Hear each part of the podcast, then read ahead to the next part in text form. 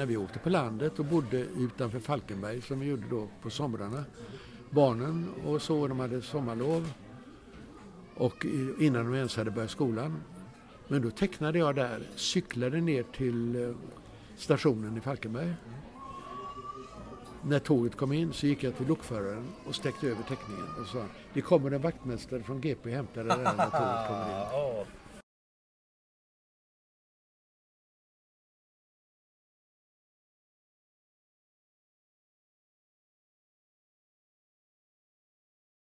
Välkommen till Grunden Media Podcast med mig Henrik Atström. Och med mig Erik Jensen. Var befinner vi oss idag Henrik? På Stadsbiblioteket. I Göteborg, Ja. i hjärtat av Göteborg. Ja. Eh, och vi har med oss en man som också har hjärtat i Göteborg. En, vad ska jag säga, en seriefura får man Ja. säga. Ja, jag visste vad den tog. Jag vågar inte säga legend. Nej. Nej. Men eh, man säger, du, är liksom, du är en Nej, men Fura. trygg, trygg fura i Jag serievärlden. går med på det. Ja, Du är Hägerfors. Sture Hegerfors, välkommen Ja, tack. till våran podd. Hur mås det idag? Ja, jag upptäckte i morse att jag var lite snuvig. Jag tror inte det är något eh, smittsamt, men eh, det är lite sådär. Så det kan hända att jag får nysa till emellanåt. Ja, det blir effektfullt. Postpandemi-dynamik Ja, liksom. Ja. ja, du är välkommen. Vad händer i eh, tillvaron just nu? Jag tänker du är högsta grad aktiv med saker. Ja, alltså det som har hänt eh, alldeles akut nu det är ju eh, min jubileumsbok för min teckning PS i GP som fyller 50 år. Ja. Och, eh, så jag har gett ut en liten skrift med de förhoppningsvis några jättebra teckningar och eh, några som täcker vad som har hänt under årens lopp. Ja, Men det går inte, jag har gjort alltså 15 000 teckningar. Och att då göra ett urval till, till 200, det är ett jobb som man kan kalla Sisyfos-jobb. ja. Alltså jag tänker, hur, hur gallrar man då? Börjar man med att grovgallra så gallrar man bort de första Nej. 7 500 och sen... Ja, jag började så, ja, men eh, sen så blev det nog mer att jag bara grabbade i högarna. ja, Och sen frågade jag mina barn om de hade några favoriter och sådär. Så ja, ja. till slut så blev det en ganska hygglig samling ändå. Ja, 15 000 det är ju en diger eh, bunt som Sant. du har producerat. Eh, Det är galet mycket tycker jag. Ja, alltså man sätter ju sig inte ner 1972 och tänker att nu har jag 15 000 teckningar framför mig. Ja, Utan man eh, tänker att nu ska jag göra en teckning imorgon Ja. och en i övermorgon. ja. Och plötsligt så är det 15 000. Det är mera så det går till. Vi kommer gå vidare lite där med det ämnet så, men eh, först tänker jag att vi kanske ska låta dig få göra en liten presentation för lyssnarna. Ja, vad ska jag säga då? Jag är född i Göteborg. Ja, Eh, bodde tre och ett halvt år i Stockholm och skulle gärna stannat för jag tyckte väldigt mycket om Stockholm. Men när jag flyttade tillbaka igen på grund av faktiskt att jag fick det här anbudet från Göteborgs-Posten att eh, sköta deras seriesida och dessutom då göra den här PS-teckningen. Och eh, ja, jag har en bror som heter Arne. ja det klingar synnerligen bekant. Ja, ja, ja, han är min lillebror. Lillebrorsan. Och har varit eh, sportreporter Ja. Och eh, väldigt duktig tycker jag. Oh, ja. Och ja, väldigt många som har tyckt det så att eh, jag är inte ensam om det. Mm. Jag är född i Majorna. Mm. Och eh, nu bor jag i Johanneberg här alldeles ovanför. Mm. Och eh, ja, det är väl egentligen allt som behöver sägas, är det inte det? Vi täcker ju in resten här sen. Ja, nej, men jag är president i Serieakademin sedan Precis, 1965. Ja. ja, ständig president så. Men det, Ja, det har ju blivit så. ja. Ehm, vi får se. Jag, Ja. jag känner kanske att jag skulle kunna dra mig tillbaka nu. Lite grann. Det är som Arne Weise på jul liksom. Du, du, det, det är det Ja. tänker med den här trygga furan. Ja. Eh, Du, Ja, ja, du är den här stommen i serievärlden. Liksom. Ja, men han drog sig klokt nog tillbaka. Även Weise. Ja. Hur kom du på att du ville bli serietecknare? Ja, alltså drömmen var ju att jag skulle bli serietecknare. Nu är jag ju inte serietecknare utan är ju humortecknare. Och är enrutare mer än serier. Men drömmen var att jag skulle teckna serier, absolut. Jag hade en favoritserie som gick i en tidning som hette Alla Tiders seriejournal som heter Dick Tracy. Ja, Ja, den kommer man ihåg nästan. Dick Tracy. Ja. Ja, jag tror jag läst Dick Tracy. Ja, en deckarserie. Ja. Och en sån här metoddeckare, nästan den första metoddeckaren innan Ed McBain och Sjöwall Wahlöö och de här kom. Så det var en ganska genial serie.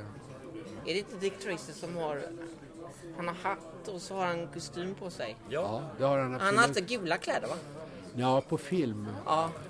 Men i eh, serien så är jag mer normalt Ja. färgad. En av de här som hade som tidning med hål för ögonen. Ja, ja, visst. Han hade alla de där tricken. Jajamän. Ja. Som man lärde sig genom Dick Tracy. Ja. Körde du det själv också då? Ja, självklart. Ja. Nej, men det var väl det som gjorde det. Sen var jag rätt så duktig i plugget i teckning. Ja. Och det är ju naturligtvis också väldigt uppmuntrande. Så jag fick alltid stipendium i teckning. Men det var det enda jag fick. Jo, i slöjd fick jag också. Så jag var ju en praktisk natur mera kanske än en, någonting annat. Nej, men det var... Det började så och eh, jag var väldigt uppmuntrad av min lärare som hette Hjalmar Skogsberg. Som var... Han tecknade i GP. Någonting som heter Söndagstavlan.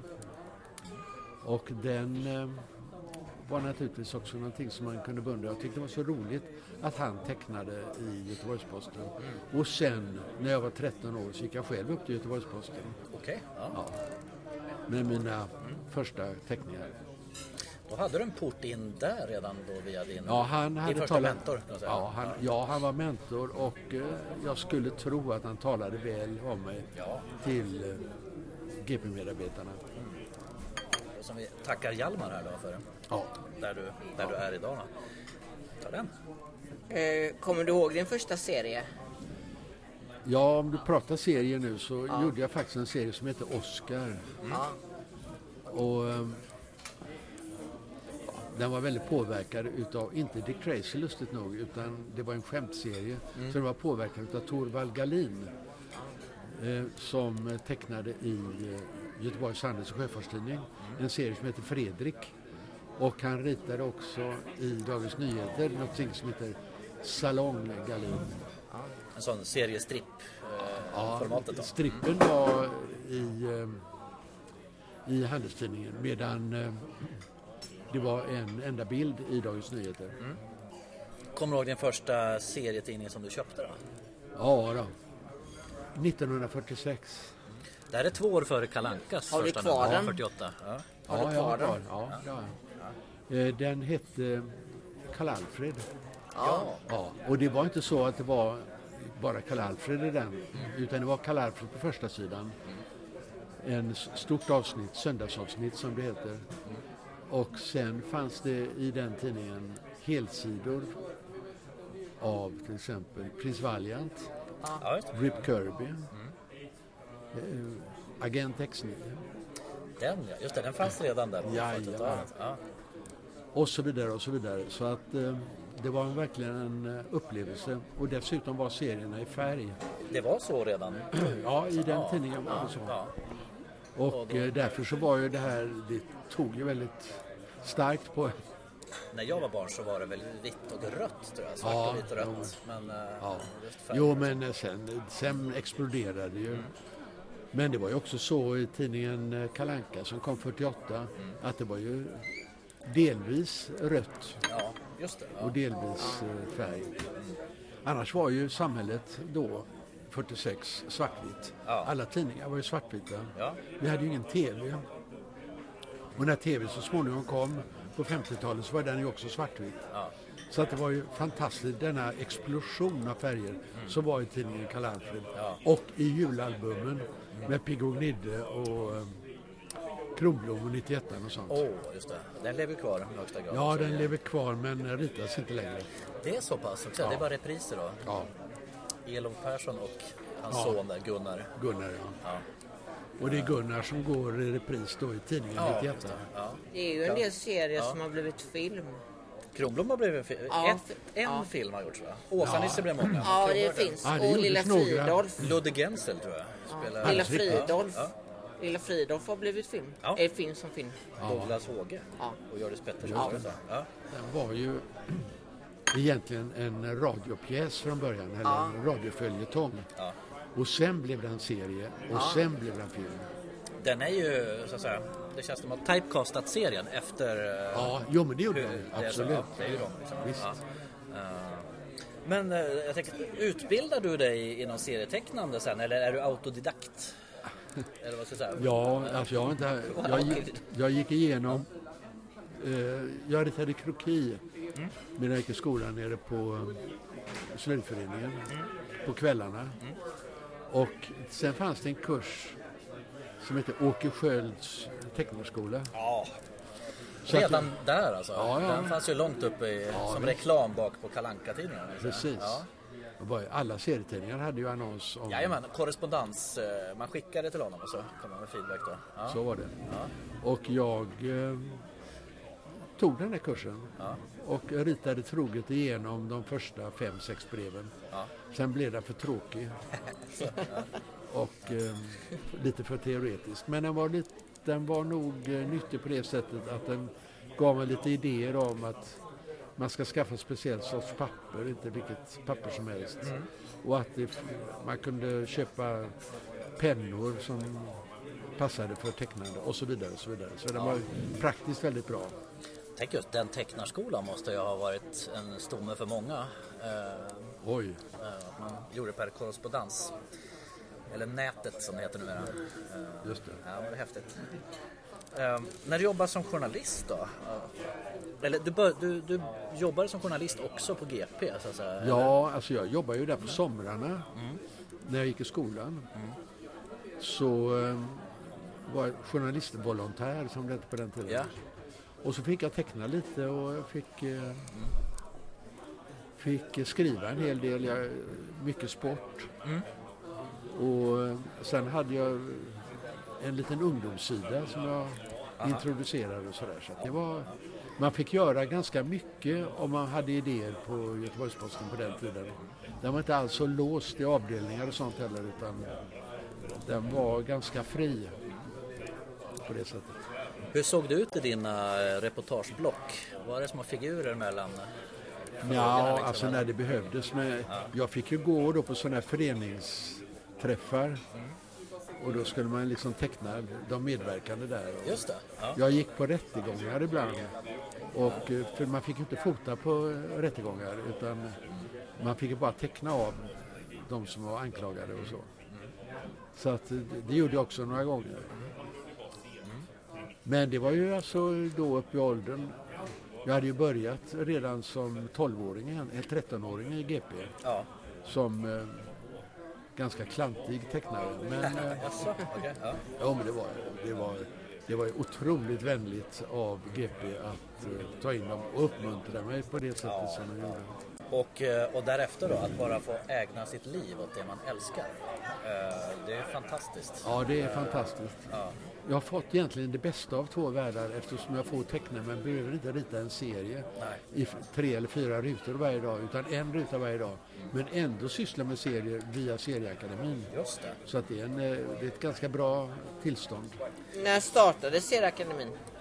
Den startade 1965 Okej. och den var lite grann i eh, vågskvalpet Ja. efter den här oerhörda kritik som serien hade utsatts för. Utav lärare och utav eh, pedagoger, eh, utav psykologer, psykiatriker. Det ledde Lärare. barnen i fördärvet. Ja, Stäm, det. stämmer det att du var, att du var bjuden och, och pratade om serier på eh, någon, något bibliotek och så den enda som stod och lyssnade var, var ordningsvakten? Ja, det stämmer. Det var ju Ja. Örebro. Nej, det Oj. var inte alls. Uppe i Gävle var det. Ja. Uppe i Gävle var det. Och där var jag inbjuden av en kommunalgubbe. ja. Så att jag fick eh, komma upp dit och prata om serier då. Ja. Och det förträffliga med serier. Den här enormt fina kombinationen av bild och text. Och det verb och visuella språket som jag hade kommit på som ett bra ord. Och när jag kom till biblioteket så tyckte jag det var ovanligt tomt. Och ingen bibliotekarie kom och mötte mig. Utan det var en vaktmästare, precis som du sa. Ja. Och han förde in mig i den här eh, aulan där jag skulle tala. Och jag gjorde ordning med bilder och sånt. Det var ju väldigt primitivt. Man la alltså bilderna på en liten dyna och sen tryckte man till och så kom bilden upp. Det var alltså inte ens... eh, Men det var verkligen väldigt långt ifrån de här USB-stickorna om man säger så. Som flanellograf. Flanellograf i Ja, princip. fina grejer. Ja. Ja. Och eh, när klockan var halv åtta så gjorde den här eh, vaktmästaren en gest och sa nu kan du börja. Och så satte han sig på en stol alldeles nere vid dörren. Och jag började prata och sen eh, gick han ut. Så jag, satt, jag stod och pratade för ingen alls men han tittade in ibland för att kolla att jag skötte mig. Ja. Dina åtaganden. Så Ja, du få- ja. Ja, det här var ju, alltså, då, det, jag fick reda på det dagen efter när jag gick upp den där kommungubben och skulle ha mina pengar. Och reseersättning och så vidare. Han sa det att bibliotekarierna hade tagit så illa upp att det skulle komma någon och prata om serier så de hade stängt biblioteket i förtid. Och de hade inte annonserat om att det skulle äga rum eller någonting. Och han bad så mycket om ursäkt att det hade blivit som det hade blivit. Oj. För mig var det ju en fantastisk upplevelse. Som, eh, det är en underbar berättelse tycker jag. Ja. Jag gjorde den här berättelsen, om jag nu ska prata lite, så berättade jag detta i eh, Kungälv. Det var Åke Edvardsson och jag som var på, hade en sån här bokträff. Och jag, Åke Edvardsson var ju stjärnan naturligtvis. Och han eh, var väl förberedd. Och jag började prata om serier och jag började prata just om det här som hade hänt uppe i Gävle. Och medan jag pratade om detta så märkte jag faktiskt att Åke Edvardsson bleknade. och eh, när han så småningom började prata så var det väldigt virrigt och inte någon... Han skämdes kanske? Nej, ingen substans. Nej, vet du vad det var? Nej. Han hade tänkt nämligen berätta en episod om att han hade varit på biblioteket där det bara varit en besökare. Ja, så när han hörde din historia det så, eh, så var det, va- så var det Han hade inte samma... en chans. Han hade ju fullsatt man Ja, ja, jämförelsevis. Ja. jämförelsevis. Eh, ja, men jag tänker... och- Det är ju en rolig Det- historia nu. Mycket vatten har ju runnit under de där broarna, tänker jag. Det var också så att eh, Lasse Åberg jag, som Ja. vi skrev en bok som heter Nödbroms. Ja, Den har ju lite grann vad du har på din tröja. Ni har ju lanserat ett fantastiskt begrepp. Jag tog upp det med Lasse också. Ja. Jag är inte teknikfientlig, jag är teknikavvaktande. Vi är teknikavvaktare. Eh, super. Ja, så är vi. Ja. Jo, i alla fall så, eh, så var vi uppe och pratade om boken Nödbroms på Gävle stadsbibliotek. Och då kunde jag inte låta bli att berätta den här episoden. och det var ju alltså 30 år senare. Ja. Och då steg den dåvarande, eller rättare sagt nuvarande, Ja. bibliotekarien fram och bugade sig framför mig och sa Å Gävle stadsbiblioteks vägnar så ber vi så mycket om ursäkt. Hoho, vad fint. Så var vi hemma. 30 år sedan. Ja. Underbart. Men, eh, Retroaktiv upprättelse där. Ja, vi fick upprättelse. Men jag tänker just där, synen på serier som lite lägre stående litteraturen. Den, eh, man minns ju den, alltså, åtminstone när jag var barn på 80-talet var det fortfarande Ja, nej men det, absolut. lägre stående konstform. Ja, eh, lustigt nog eftersom det ändå är svårare att läsa serier än att läsa någonting annat eftersom du ska läsa ihop både bilden och texten samtidigt. Vilket är det geniala med serier egentligen. Ja, ja visst. Men eh, det är klart att du får inte världens bästa ordförråd. Och eh, det, är en, det är två olika tekniker och jag tycker inte den ena är sämre än den andra. Jag tycker att serier är världens bästa konstform Ja, visst. och berättarform också för den delen. Du väver ihop två sinnen där. Det är du, du, sy- synen och eh, ordförståelsen så att säga. Bild och... Ja, det var ju det. Alltså, grejen var ju lite grann att det här var ju bibliotekarier som protesterade i Sverige framför allt. Det var ju mera psykiatriker och sånt i USA där det hela började. Men alltså felet med bibliotekarier, det är inte många fel på bibliotekarier, men ett av felen med bibliotekarier är att de får ju all sin kunskap och, via ordet. Ja, Det är ju, de läser ju böcker och är ju um, fast i detta. Och det var ju lärare och alla andra också. Hade ju fått all sin kunskap genom böcker. Och bilder var för dem mera slags illustrationer sådär. Någonting man hade vid sidan av. Och Ibland behövdes det, ibland behövdes det inte. Och, Underkastat texten. ja, och man skulle skapa egna världar och sånt där i huvudet. Men det är inte så lätt att skapa en egen värld när, man, när det står... Ja, vad ska man säga nu då? Palmerna rasslade i vinden. Så måste man veta hur en palm ser ut. Ja, just det. Till exempel. Och det är inte så dumt så, om man har det då med sig. Givetvis. Eh, Men då menar vi då att det, det ska inte serveras på fat, de här bilderna, utan man Nej, ska skapa dem i nej. Alltså jag har all respekt för... Det finns ingen som läser så mycket böcker som jag tror jag, eller i alla fall förr. Nu läser jag inte fullt lika många böcker som jag slukade ju böcker för och serier. Det ena utesluter ju inte det andra. Nej, nej. Medan ju eh, en väldigt stor del av den vuxna generationen såg ett slags motsatsförhållande mellan serier och böcker. Intressant. Nej, jag fick ju eh, anbud någonstans på 70-talet att prata på eh, Bibliotekshögskolan i Borås. Vilket ju var ett väldigt stort steg, får man ju säga. Att bibliotekarierna ändå försökte att intressera sig. Och så. Det var inte, det var tre timmar i hela utbildningen, men det var ändå något. Ja, ja. Podcast,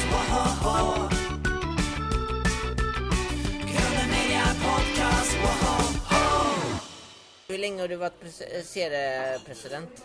Nej, det har varit ända sedan starten av Serieakademin och det var 1965. Ja, 65. Vi hade ju en utställning där i Stockholm som hette Seriernas fantastiska värld. På ett väldigt radikalt galleri alltså, Ja. som heter Galleri Karlsson.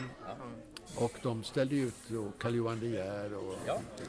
eh, Lasse Hillersberg och sådana där.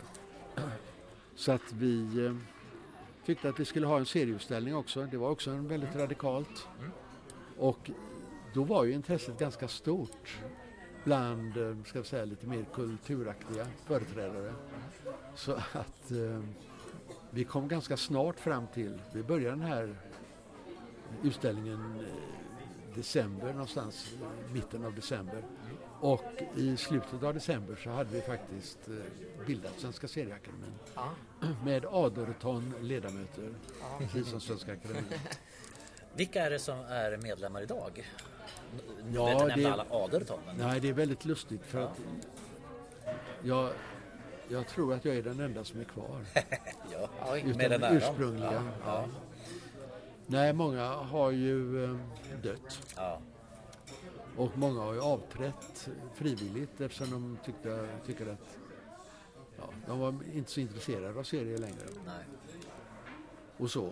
Men eh, Lasse Åberg är ju med. Mm. Ja, han är ju en, eh, absolut en fura han också i serien. ja. Ja. Och eh, vi har en ma- manusförfattare som skriver mycket i 91 och så. Mm.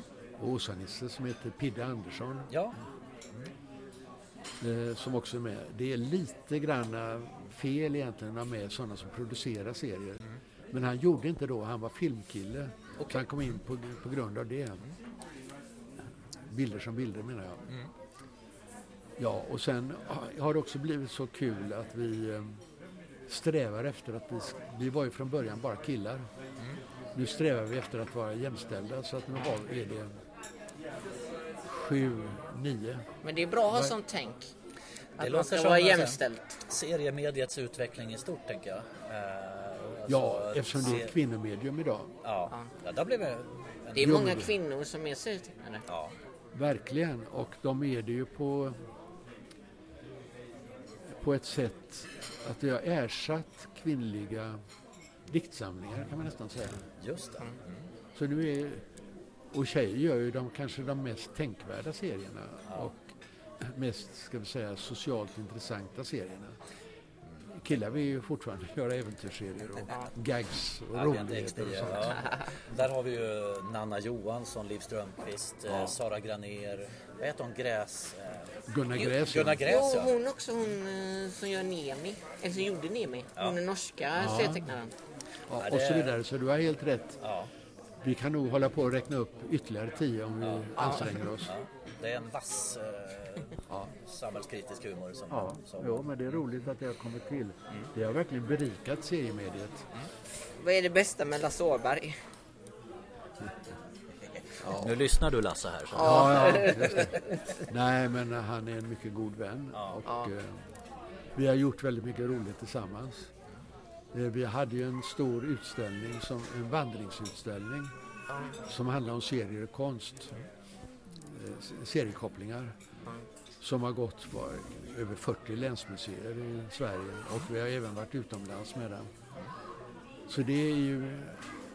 Ja, det, och sen gjorde vi ju den här boken då Ja, eh, nödbroms. Där vi tyckte att vi själva nästan hade hamnat i ett tempo där vi behövde stanna upp. Och eh, då såg vi oss själva som bakåtsträvare.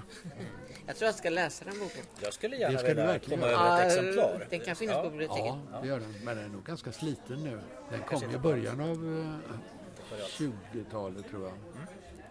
Den finns på bokbörsen kanske. Nej, vad säger jag nu? Den kom i början av 2000-talet. Ja. När lär ni känna varandra? Ja, det är roligt det. Grejen var ju att han började skicka brev till mig. Ja. Han hade börjat intressera sig för Kalle och Musse framför allt. Och så såg han ju mig då som en allvetare vad det gällde serier. Så han skrev små frågor och jag svarade utförligt. Och eh, sen, ja, jag tror att det gick nästan tio år innan vi möttes. Och då var han här i Göteborg och skulle presentera en bok som hette Två lösa boj och Rekordmagasinet. En nostalgibok. Ja. Och då fick jag uppdrag av Göteborgs-Posten att intervjua honom. Var det på bokmässan? Nej, det var inte bok, fanns Nej. ingen bokmässa då. Utan vi träffades på eh, en restaurang i Göteborg. Ja. Vid lunch klockan 12. Och eh, vi blev utkörda klockan 12 på natten från den restaurangen. Oj, så, satt så länge. Vi plötsligt så fann vi varandra och vi märkte att vi hade samma erfarenheter och samma, ja, samma intressen helt enkelt. Ja. Och så märkte vi det att vi är kompisar fast vi inte träffas förrän nu. Vad vackert. Ja. Ja, det var vackert. ja. Då behöver vi inte oroa oss för att våran intervju drar Nej. över. Nej, nej, nej. det, man, Ja. ja, det kan leda till någonting gott där också. Blir det mer samarbete med Lasse sen? Ja, det, vi har ett eh, hemligt projekt. Spännande. Ja, det man vet. Ja, ser vi fram emot. Du är också vän med Her- Hergé, alltså Tintins tecknare. Hur, hur var han som person? Ja, alltså det underliga med serieskapare överhuvudtaget är att de är fantastiskt trevliga. Ja. Och de blir allt trevligare ju mer de märker att man kan själv någonting om serier. Ja. Och när det gällde Hergé då så träffade jag honom i Bryssel där han bodde. Och då hade jag varit på seriekongress i Lucca i Italien eller möjligen i Angoulême i Frankrike. Men jag kom i alla fall och besökte honom. Och han var så himla nyfiken på fråga, vilka var där? Och hur var de? Och sen frågade han mig, eftersom jag hade många år tidigare gjort en turné i USA och besökt alla serieskapare som fanns egentligen, som jag var intresserad av. Så han frågade till exempel Dick Tracy, jag var ju den första som jag överhuvudtaget mötte i USA, i Chicago. Så, men Chester Gould som tecknare, hur var han? Alltså tecknare är så otroligt intresserade av sina kollegor och de träffades ju på den tiden i alla fall väldigt sällan. Nu finns det ju seriekongresser och nu rör de sig lite mer utanför sina egna ateljéer, men det gjorde de inte då. Nej, men det, det kan jag tänka mig. Alltså, det är ju serierna man ser. Ja, Ansiktet Men det utåt. som det bakom är ingen- serierna. Det känns, ridån där. det känns som det är en ganska sluten värld när serietecknare sitter och, i- och tecknar sin serie. Kanske det. alldeles riktigt. Men så, och eh, för mig var ju det här jag var ju så nyfiken, vad- vad är det för människor som gör serierna? Man fick aldrig reda på det. Varför jag började överhuvudtaget att forska i detta var att jag var så nyfiken på tecknarna och vad de såg ut och hur, vad de tänkte och tyckte och sådär. För det, det var så anonymt. Det var ju en vacker signatur ofta. Chester Gould hade en jättefin signatur. Men eh, i övrigt så visste man inte hur, hur de, hurdana de var. Så det var därför egentligen som jag började att intressera mig för det här på riktigt, riktigt, riktigt stort allvar. När jag läste Tintin första gången så undrade jag alltid vem Haje var. Ja, visst. För att om man, man som barn så vet man inte vem det är. Alltså, Det är ett snyggt saker. artistnamn liksom. Ja. Han heter Ja. inte det egentligen. Nej. Han heter Nej, han hette Vad heter han? Re, re, nej, vad är han heter? Remi efternamn. Ja, Remé heter ja. Vi, vi blev också mycket goda vänner trots en stor eh, generationsskillnad. Och inte minst på grund av att vi båda är födda den 22 maj som han såg någon, som någonting magiskt. Säger, ja, då är, ja, då har vi någonting. Alltså han var inte troende på astrologi men han tyckte det var intressant och det var ju i alla fall någonting som knöt oss lite närmare varandra. Visade han eh, sin ateljé för dig? Eller sin, eh, Ja, där han satt och tecknade? Jag var uppe i hans ateljé. Ja. Ja. Fick du se originalteckningarna Jajamän. och sådana grejer? Jajamän. Och jag var även hemma hos honom och hans nya fru. Och eh, han hade ju mycket sånt hemma. Och han målade ju också. Ja. Vilket inte är så känt. Tintin är ju min favoritserie. Ja, jag Ja, vet. ni båda Ja. är med i Tintin-föreningen? Ja, Ja. jag var och lyssnade på Sture uppe i Stockholm när du höll eh, det där, eh, det kanske du kommer ihåg? Ja, Det där föredraget med, med Björn Wahlberg och så där när vi var på museumet. Ja, vi var på museum. Ja. Vad var det? Egyptiska museet var det? Ja. Ja. Nej, eh, Medelhavsmuseet var vi. Ja, vi var i någon egyptisk sal i Ja. alla fall. Och eh, jo, men det stämmer ju. Ja. Men vi hade ju setts tidigare Ja. än det. Vad jag minns. Har du något favoritalbum eh, Tintin? Ja, där sätter du mig på det hala. Det är, är verkligen så att det växlar. Ja, det gör det för mig med. För, Ja. Vilken är din skulle jag vilja fråga? Eh, Just nu? Jag gillar nog eh, Faro Cigarror och Blå Lotus. Ja, Bara för att det är så, spännande album. eh, så. Jag kan nog hålla med dig. Mystiken i albumet eh, där eh, med Mellanöstern och Ja, jo, men det, vi är nog ganska överens. ja, Men det som sagt var, det växlar ju också för oss båda. Krabben med guldklorna det gillar jag också. Ja, ja, nej men det, är ju- alltså alla album har Ja. ju sina kvaliteter. Månen tur och retur. Ja, inte så, det är också väldigt spännande. Jag är mest följt det via film då, med Thomas Bolme som Ja. Ja, ja. Han har varit på våra möten, Thomas Bolme. Ja. Dessutom, vi har en liten koppling här. Vi släpper snart en podd med Jakob Hård. TV-sporten, en gammal kollega till din bror här. Eh, Just precis. han har ju faktiskt gjort Tintin när han var typ 13 år eller nåt sånt. Ja, ja. Rösten. Ja, Ja, mycket. lite stickspår där. Det här var ju så fint att få höra er prata Tintin, så ni får gärna fortsätta. Eh, Men eh, forskandet, det är lite spännande där. Så du har alltså forskat i eh, Göteborgshumor men också i serie... Ja, Ja, nej jag har väl lite grann. Min pappa var ju eh, litteraturhistoriker. ja. Och han var också lärare, alltså läroverkslärare. Och, eh, men på somrarna så satt han och forskade i Viktor Rydberg. Aha.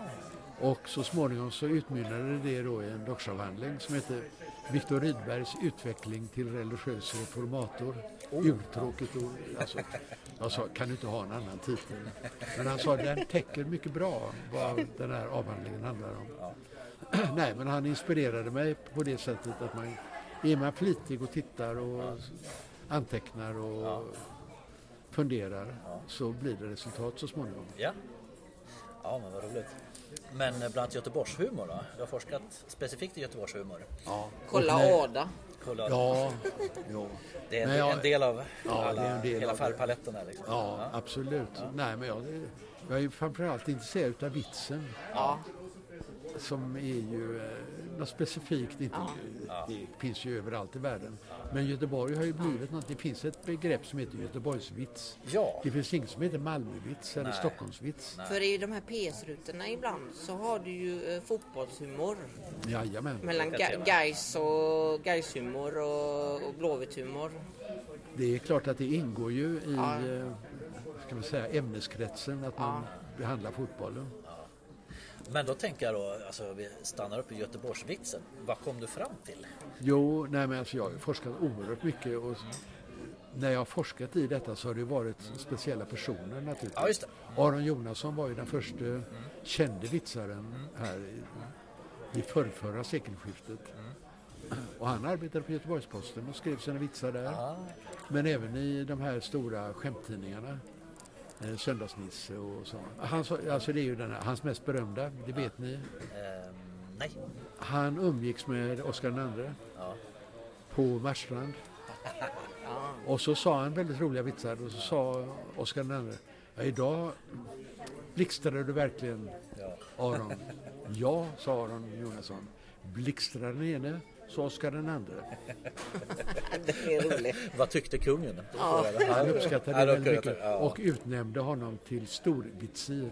Storvitsyr. Ja. Alltså, det är inte sant att säga. Alltså, humor kan, är ju en färskvara. Men vitsarna ett sekel tillbaks. Ja, då. Ja, de, eh, De håller. de goda vitsarna, eller goda, rättare ja. sagt de dåliga vitsarna, de sämsta vitsarna Just det. håller fortfarande. Det är ju de som är de Ja. bästa, liksom, Ja. eviga. Bara tänka sig Gö- Göteborgshumor, om det finns en konstant sån eller om den också förändras över tid. Så att säga. Ja, den förändras över tid. Jag är väldigt glad över att till exempel det som du nämnde eh, om Karl och Ada, att det, på något sätt så är det en... eh, Är det den äldre generationen som Ja. kommer ihåg Karl Ada-grejer? För de som är unga idag vet inte vilka det är. Nej, och med, det tycker jag är bra.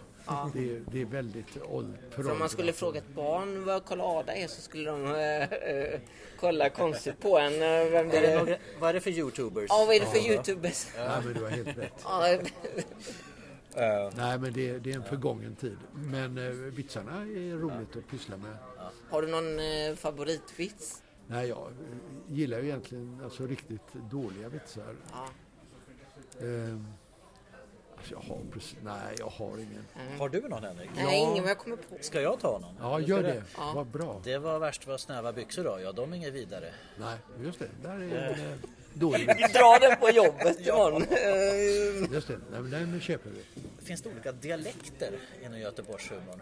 En flummig fråga, men så här, Nej, men det är, väldigt, det är en an- fantastiskt bra fråga. Ja. Det fanns. Ja, Så att eh, Vivica Lärn, hennes pappa Hubert Lärn, som var journalist och tecknare, otroligt duktig. Jobbade först på Handelstidningen i Göteborg, alltså Göteborgs Handels och Sjöfartstidning. Men värvades över av Harry Örne till Göteborgs-Posten. Och jag beundrar honom väldigt mycket. Men han hade Nämligen, han kunde lyssna av om en människa var från Masthugget Majorna eller i Ostkroken. Oj. För det var så stängt mellan stadsdelarna på den tiden. Att de som bodde i Ostkroken bodde kvar i Ostkroken. De som bodde uppe i Landala bodde i Landala. Ja. Och de bodde där hela sitt liv. Men de åkte inte mellan stadsdelarna? De höll åkte naturligtvis mellan stadsdelarna och... eh, Ja, de tog väl med sig vitsarna kanske mellan stadsdelarna? Ja, det gjorde de säkert. Ja. De inspirerade naturligtvis varandra. Men de uttalade dem på lite olika sätt. Då var man trogen sin stadsdel. Ja. Men du har forskat också i så mycket annat, alltså serier. Finns det avhandlingar att läsa? Nej, men alltså jag har ju skrivit kanske 10-15 böcker om serier. Och eh, de sammantaget skulle nog kunna bli en avhandling. Ja. Men eh, det, eh, i Seriefrämjandet, som ju är en annan organisation och som eh, jag var med och startade en gång i världen 1968, så där är man ju, eh, har man ju varit forskat ganska mycket på specifika svenska seriefigurer framför allt. Och eh, ordförande, eller jag tror han är före detta ordförande nu, vad heter han, Strömberg. Han har skrivit en doktorsavhandling om serier. Den vill nog jag läsa. Ja, det ska du nog göra. Jag har Ja. inte läst den själv. Och sen kan man nog säga att den boken som du hade med det här som Den om Fantomen. Ja, det, är- Ja, vi har det, är också, bok det är Ja. också en avhandling. Ska vi berätta vad det är för bok? Eh, Det är en eh, sve- Henrik har en, eh, en Hegerfors Jag tar upp en bok nu. Det är en kille som heter Robert. Aman. En, Just det. han har gjort eh, om eh, Fantomen. Eh, Vänsterns världsbild i, i trikå. Den Ja. får vi tipsa om då i podden. Och även Stures bok. Ska vi prata lite om eh, PS här? Eh, ja, vi får givetvis passa på att gratulera den här 50-åringen. Det är en pigg 50-åring. Ja. PS i GP då. Sen 72 har du tecknat den. Just det. Eh, hur föddes eh, idén till PS, eh, Rutorna? Nej, det var, det var också på grund av den tecknade serien faktiskt. Jag hade haft en utställning just här där vi sitter nu på Stadsbiblioteket som var en utveckling av den där utställningen som vi hade på Galleri Karlsson 1965. Det här var nu många år senare som du förstår. Och då tog Göteborgs-Posten kontakt med mig för att de ville göra en seriesida. Och sen hade vi en dialog hela tiden. Och 1972 på hösten så hade Lars Hjörne kommit på att han ville ha en teckning precis som de har i de engelska tidningarna. En kommenterande eh, aktualitetsteckning. Så han gav mig uppdrag att hitta en tecknare. Jag hade ju själv inte tecknat i GP då på 10 år, 20 år kanske. Ja, 15 år. Jo, i vilket fall då som helst så eh, fick jag uppdrag att söka en sån här tecknare och jag gjorde faktiskt det. Jag var på reklambyråer, jag var på, jag var på alla möjliga ställen på, där folk kunde teckna och skriva, för det gällde ju att skriva också. Och det visade sig antingen kunde man skriva och vara copywriter på reklambyråer eller också kunde man teckna och vara reklamtecknare. Och just den här kombinationen var inte så lätt att finna. Nej. Så att jag gick upp på Göteborgs-Posten och sa att det är ingen annan råd än jag får göra det själv. Mm. Och då sa de, då börjar du imorgon. Och då sa jag, Oj. kan jag få börja i övermorgon? Ja. Börja tänka lite. Ja. Ja. Och så gällde det att hitta på då, vad ska den heta? Den skulle ligga på sista sidan var ju tanken. Ja. Så det blev ju PS, postscriptum, alltså det som är i breven när man vill tillägga någonting. Och eh, sen gällde det att hitta på en stil att, som var enkel så att man eh, kunde göra många teckningar och man inte behövde arbeta en hel dag eller två dagar på en teckning utan på några timmar skulle man ju Hur föddes, fram eh, hur föddes figurerna? Ja, de, de föddes ur pennan på ett... Ja. Eh, ju mer man sitter och tecknar desto mer kommer figurerna fram. För det här med långa näsan är nog min favorit. Eh, Lärling, ja, han Lärling. som är där. Eh, Ja. lärling. det är lärling. Ja. Ja. Andersson och lärling är ju... Det är mina vitsfigurer. När det kommer riktigt dåliga vitsar, vilket det gör ibland från läsekretsen, Ja. så eh, låter jag dem uttala vitsarna. Ja. Det är ju faktiskt så att vi har en följdfråga från Lasse Åberg. Jaha, ja, Precis som dessa filurer. När kommer, när kommer långfilmen med Andersson och Lärling?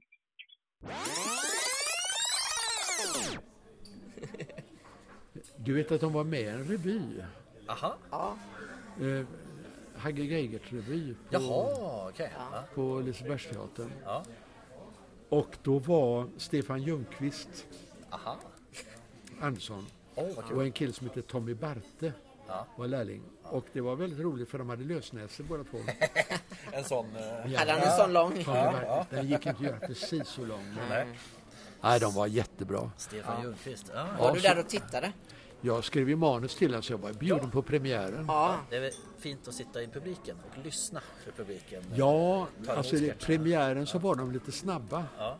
Så att eh, de var lite för snabba. Ja. De smattrade. Och eh, jag fattade ju vitsarna men publiken var, hängde inte med riktigt. Sen var jag fem dagar senare och tittade på revyn igen. Då hade de lugnat ner tempot. Och då var det då var det, det bästa på hela revyn. Åh, vad roligt. Gjorde du en ruta varje dag? Eh, ja, eh, det var ju... Alltså, tanken var ju att det skulle vara dagsaktuellt. Så antingen så kommenterade de någonting som hade hänt precis på dagen eller någonting som skulle hända. Men det skulle ändå vara... Det skulle kännas eh, riktigt hett sådär. Det ändrade sig så småningom för att det är ju bättre med ett bra skämt än att det är jätteaktuellt. Ja, precis. Det går inte att komma ifrån.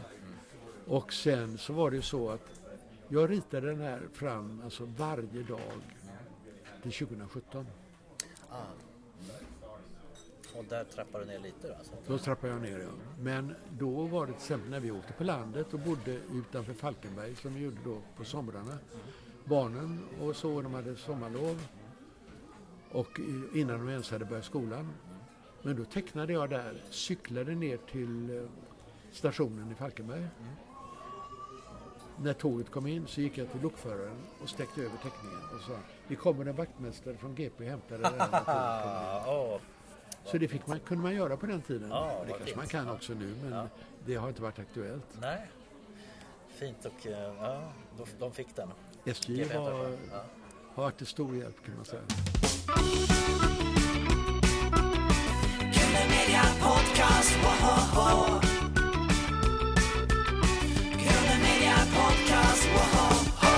Har du fått i- idétorka någon gång? Vad gör du då? Då blir jag desperat och så får jag en idé. Ja. Sen är det mer, alltså, jag måste väl säga det också, att det mest fantastiska med PS-rutan, tycker jag, är ju att läsarna varit så otroligt intresserade.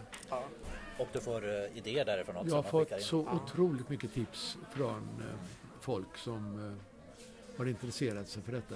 Så att har jag haft idétorka så har jag räddats av läsare som Ja. inte har idétorka. Ja.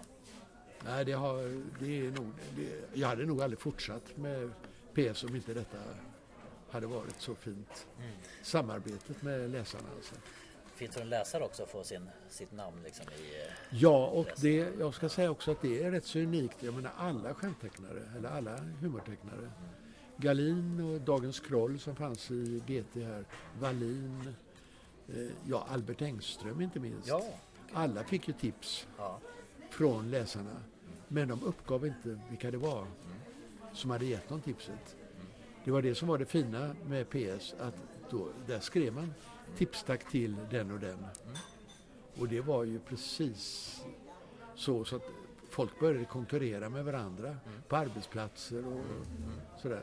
Och det, jag har ju haft tipsare nu, en som heter Anders Nilsson som bor i Örgryte, som har haft, eh, tror jag, 150 tips inne. Är det så att du, du ritar för hand och alltid gjort? Ja. Apropå det här teknikavvaktande. Datorer det är inget Nej. hjälpmedel i det här sammanhanget. Utan, Nej, jag avundas ju de som med lätthet sitter och gör det här och kan stryka och sådär. Jag behöver ju fortfarande sån här eh, Tippex ja. väldigt mycket. ja. Det behöver man ju inte i datorn utan då tar man ju bara bort de felaktiga linjerna. En frustrerande grej måste ju vara om man, så här, man är nästan klar.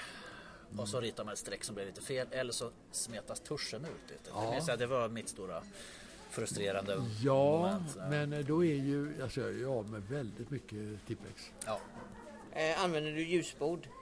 Ja, det gör jag. Ja.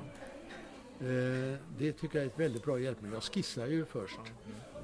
Och eh, man kan ju arbeta med ett väldigt bra papper om man har ljusbord. Ja. Annars så får man ju ha ett väldigt tunt papper. Ja.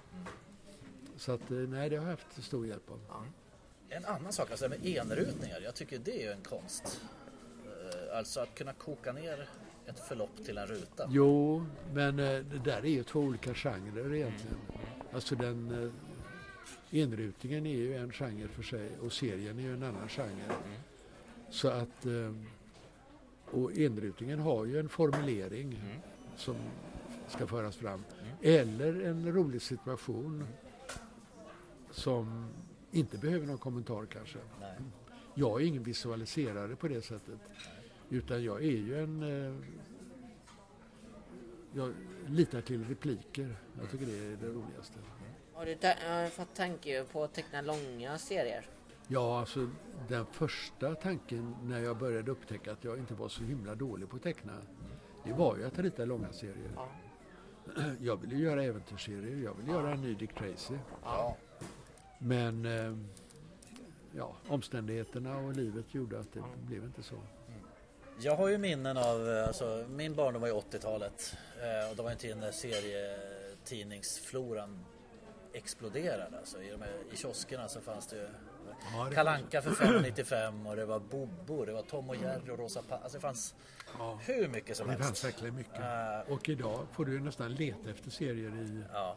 i Pressbyrån och på, i butikerna. Fra- Framförallt får man ju leta efter själva tidningen i den där plasten bakom alla leksaker. ja, ja. Det är väldigt mycket så här merch, Det är mycket skräp, merchandise. merchandise. Det, det är skräp att de Ja, har det är- leksaker i tidningen. Att Ja, det inte det- säljer sig själv. Ja. Liksom. Ja, nej det, det är ju inte så riktigt. Fantomen säljer väl sig själv Ja. och eh, 91 Ja. Men annars är det inte så mycket. Nej, men, De har överlevt. apropå Fantomen. Ja, Du har ju träffat Liv Falk. många, många, många Hur, är, hur var han som person? Ja, jag vågar nog säga att jag kände honom mycket väl som person. För jag, hur kom han på Fantomen? Nej, men han hade ju läst mycket äventyrsromaner Ja. och han kokade ner det här till en figur. Tarzan var ju naturligtvis en Ja. djungelhjälte före Fantomen. Ja. Han ville väldigt gärna bli serietecknare men hade inte förmågan riktigt Nej. att teckna. Men han hade förmågan att hitta på. Han var jäkligt duktig på det. Så att han kopplade ihop sig med olika tecknare. Först med Mandrake som du Ja, vet, trollkarlen. Ja. Och sedan då Fantomen. Och sen skrev han ju troget manus till båda de här två serierna. Och eh, nej, jag träffade honom första gången 1969 när jag gjorde min Amerikaturné. För att få tag på alla mina min ungdoms hjältar. Ja. Och då träffades vi i hans stora lägenhet vid alldeles i Central Park. Och pratade och vi hade samma intresse av familjen Kennedy. Ja. Båda. Och, Så att vi fann varandra faktiskt inte via serierna så mycket som via politiken. Men eh, det var en... eh, Ja, sen blev vi ju vänner och jag bjöd in honom till den första seriekongressen i Helsingborg, Comics 85. Och han kom och sen efter 1985-86 så startade vi Bokmässan och då var han ju här väldigt många gånger också. Och då träffades vi och vi satt ju hemma och pratade nästan allt utom serier. Han var ju också litterärt intresserad, konstintresserad. Han lärde mig mycket om opera Ja. som ju hade varit ett absolut vitt fält för mig innan dess. Men han, eh, han kunde till och med åka till Milano från New York för om det var en speciell opera som, och med en speciell sångare. ja. Så att eh, det var ett verkligt eh, stort intresse för honom. Nyfiken. Ja. Efter Tintin så är Fantomen min eh, se- favoritserie. Säger du det? Ja. Fantomen är ju jättebra tycker jag. Alltså, liksom, men eh, en, det var en grej som jag stör mig på. Det är att de färgladan. Ja, Ja, många blir ju Ja. störda av det. Ja. Men det är en generationssak, förstår Ja, du? jag stör mig på det för jag tycker Fantomen Den ska vara svartvit. svartvit. Eh, Ja, intressant. Ja, men det, jag har också läst en sån här vattendelare där. Då. ja det är det faktiskt. Vilken kategori, typ av serie är du mest förtjust i? Så? Nej, det kan du inte säga så. Utan Nej, jag är tycker om Det är allting? alltså, allting som är duktigt gjort Ja. och professionellt. Och, alltså att en humorserie som är rolig är ju fantastiskt bra. Jag minns, jag älskar ju eh, metaserier. Ja. Eh, Sams serie. Sams-serier, ja. Den var ju fantastisk. Sen blev den Sam och Silo. Jag tyckte inte alls det var lika vad är det för serie? Ja, Det tecknas ju inte Är det alls en humorserie? Ja. 80-talet framförallt. Och Det Ja. var med Knasen. Ja. Eh, Nej, men- det var ju Mort Walker alltså, som Ja. hittade på Knasen som låg bakom Sam-serien Ja, också. ja. Och heter, Lisa och Sluggo var väl också en sån som lekte med Ja. mediet. Men eh, han, han som kom på ja. snobb, han som kom på uh, Knasen. Ja, det är Mort Ja, Walker. han, han, är det inte lite att han driver med militärerna? Ja, Men du, det är intressant. Det är kul att du säger det. För att Ja. Vad han sa om detta, det, det här är visserligen militärer, men det är olika typer. Det är olika typer av människor som jag spelar mot varandra. De skulle kunna vara ute på en arbetsplats också med precis samma egenskaper. Vad heter han? Vad heter generalen nu igen? General... Han är... Han heter bara general, Ja, du vet hans sekreterare, hon är blonda. Ja, ja. Eh, Skulle det funka idag? skulle det funka idag eh, liksom att ha en serie att han, att han, eh, han har henne som ögongodis? Nej, alltså i och med metoo så tror jag mycket har förändrats. Ja. Att det är väl... Ja, Mort Walker på gamla dagar ångrade nog ganska mycket av detta. Att han var, gjorde det här så tydligt. Det var ju inte... För en del, tycker också, tid. en del tycker också att det är tydligt i, i Fantomen att, eh, att Diana är ett eh, bikt, ett ögonsmycke, ett smycke. Nej, men det för, kan man inte säga. Fantomen, eh, Han var väldigt noga med det, att Ja. ändra på henne. Att hon var först och främst var hon ju alltså en fantastisk idrottskvinna. ja, hon jobbar ju inom F- vunnit OS ja, hon jobbar ju inom FN. och så jobbade hon, hade ett eget yrke. Ja. Just det. Och eh, kunde inte alltid finnas i djungeln vid Fantomens sida. Så att nej, där höll jag inte med om att hon var ett Nej. smycke bara. Men eh, tiderna har verkligen förändrats. Ja. Det finns ju faktiskt ett äventyr när Diana eh, räddar Fantomen. Så ska det vara. Ja, det är, det är Men jag- men jag- jämställt. Ja, men jag tänker också så här, man tittar i Bamse till exempel. har jag märkt att de, eh, i alla fall i filmerna, som kommer nu, att de har tonat ner till exempel Brum och Teddy. Och Absolut. Nallemaj har lyft fram Ja. här. Och de har infört, Även i serien. Ja, just det. Det är hon som kan äta honungen utan att få ont i magen. Hon har alltid varit en stark eh, Ja, hon är en stark karaktär, tjej. så, Men att de har lyft fram mer där. Hela serievärlden förändras ju även i de mest kommersiella serierna. Och 91 jag menar Elvira som ju var ett hembiträde, Just det. vi har ju numera en egen restaurang. Ja. Och så, så att eh, Ja. vi blir lite mer, som man brukar säga, relevanta Ja. idag. Men det är bra att det ändras. Det är bra att serien Det är klart det gör. Ja. Ja. Ehm, men seriernas framtid då, så här en tid när TikTok och Youtube eh, dominerar. Ehm, hur, hur Ja, det är, tycker jag är ett bekymmer, Mm. tror jag. Det är ju så att eh, serier på papper i allmänhet, alltså serietidningen. Och det finns ju mycket serier på nätet nu. Mm. Men det är, för mig är inte det samma upplevelse. Det är något som att bläddra i Ja, tidningarna. Alltså. absolut. Så att, eh, ja, seriernas framtid, jag tror inte att själva berättartekniken är, kommer att försvinna. Alltså kombinationen av bild och text är ju en fantastisk Oh, ja. sätt. Men eh, det, som jag sa förut, det verbovisuella språket, det kommer alltid att finnas kvar. Det här tar vi med oss, det verbovisuella. Vi hade ju några frågor om Ja. brorsan här också, All om right, er ja. relation. Ja. Ja. Ni är båda journalister och har haft mer humor hela tiden så. Det känns som ni hade en lekfull barndom. Alltså jag upplevde min ungdom framförallt som ganska jobbig. Var det så?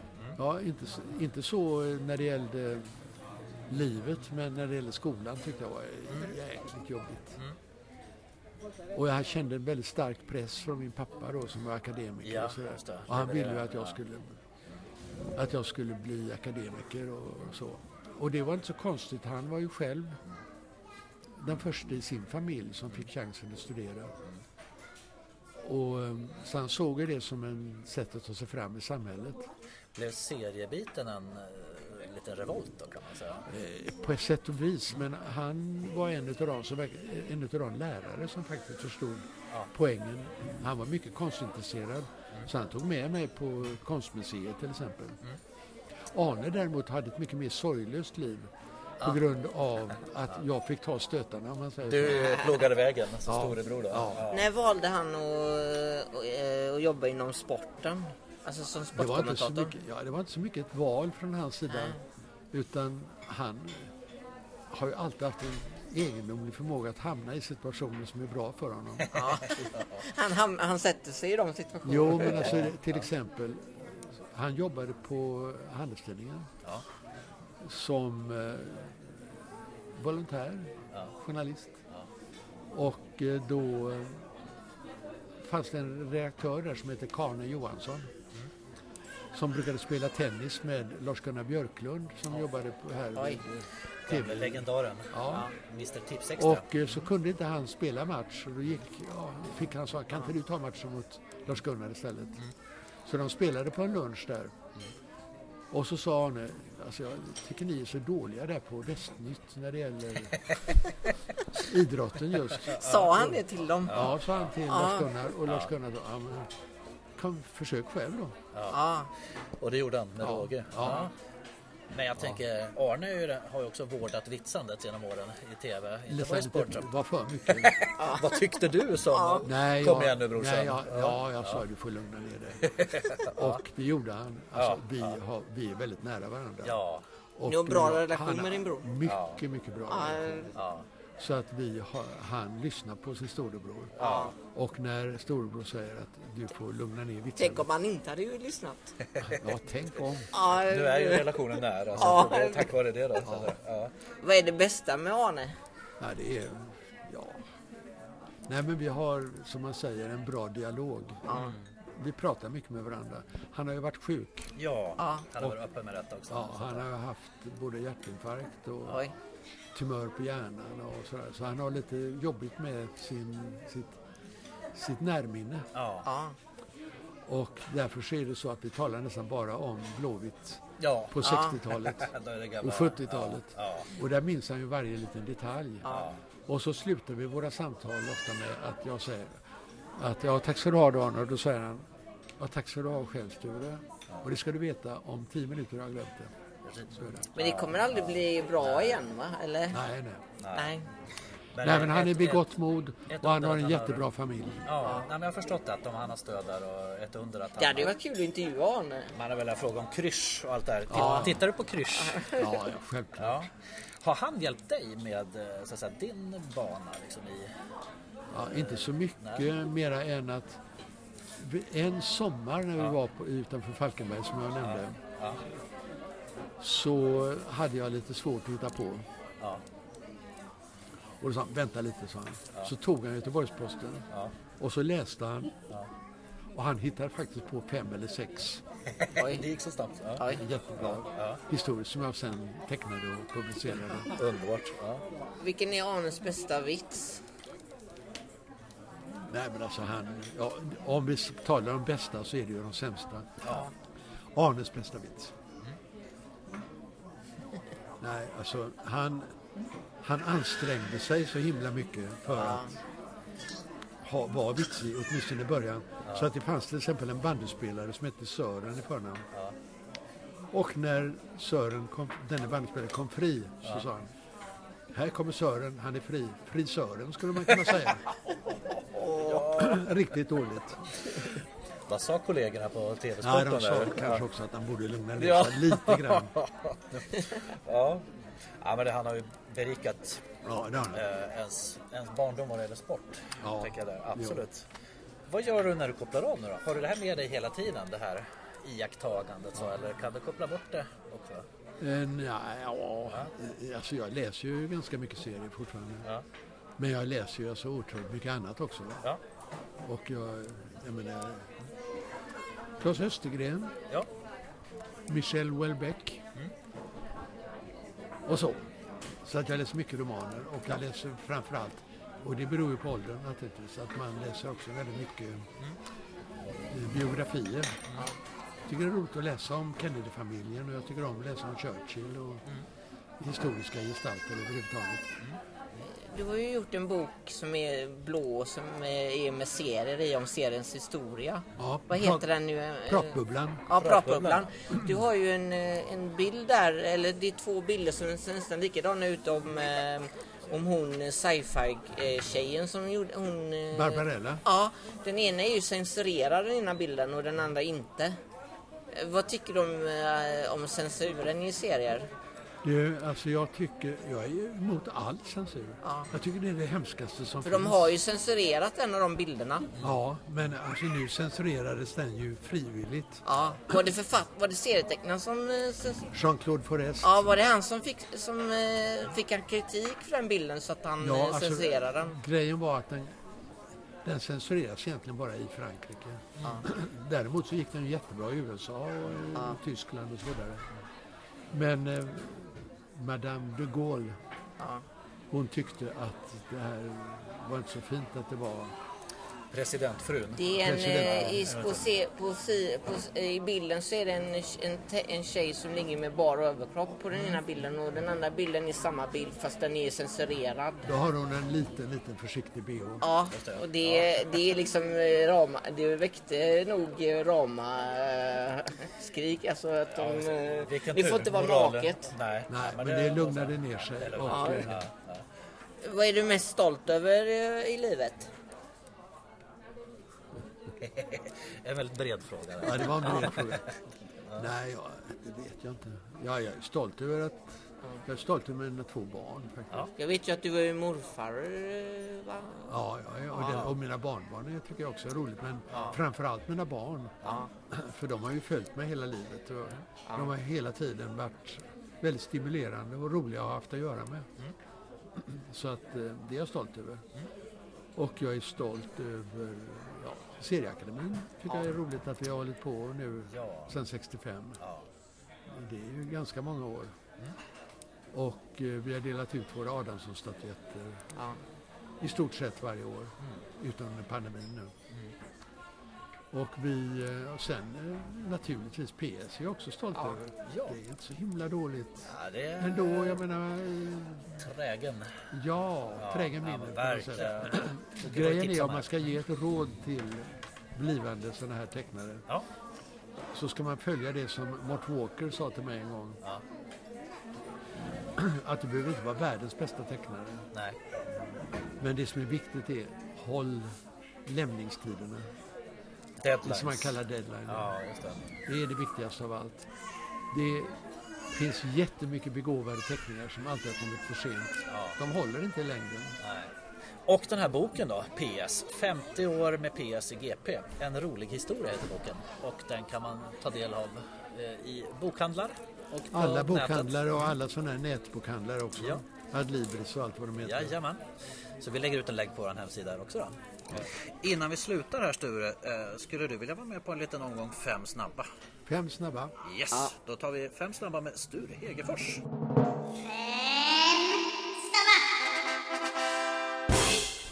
Eh, Blyerts eller tusch? Tusch. Ja. Hagberg Viking eller Rödöga? Eller Hagberg Handfast hette han Ja, vad heter? Eller Hagberg bara. Hagberg, ja. Ja, eh, du, eh, då tycker jag eh, Rödöga. Ja. Nu tycker jag att båda två är väldigt eh, konservativa. Ja. Och det handlar om dålig matlagning utav hustrur. ja, så är det. Så att jag skulle helst inte vilja ta någon. Nej, Men ska jag, är jag tvungen att välja så måste jag ta Rödöga. man får passa också. Det helt klart så. Ja. Kolle och Ada eller Karl och Osborn. Ingen. Det är föråldrat Ja. och det ska vi inte hålla på med längre. Det är det vi ville komma till här.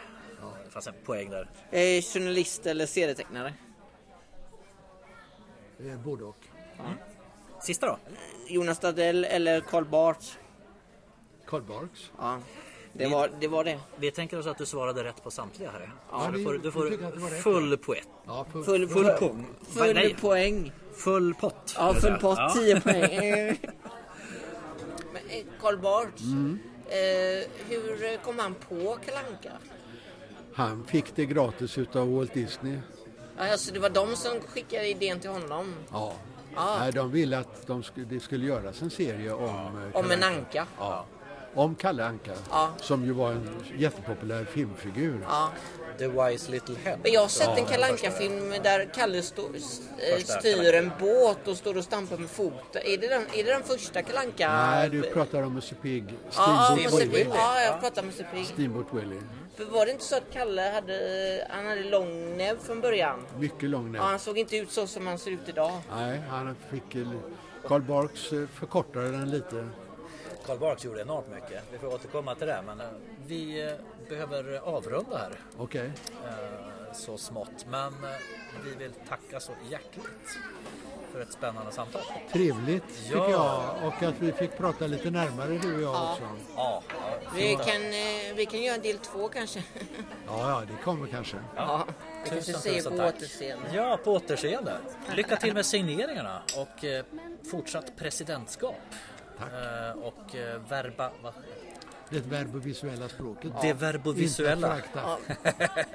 vi får, det var fint ord. Vi får komplettera den här podden med bilder på något vis. Ja, så ja. blir det ännu värre. Eh, jag ska teckna av det här med Tusen tack Sture. Tack. Sköt om dig. Kul. Tack. Tack detsamma. Ha det så gott. Ha det så gott. Ja. Podcast,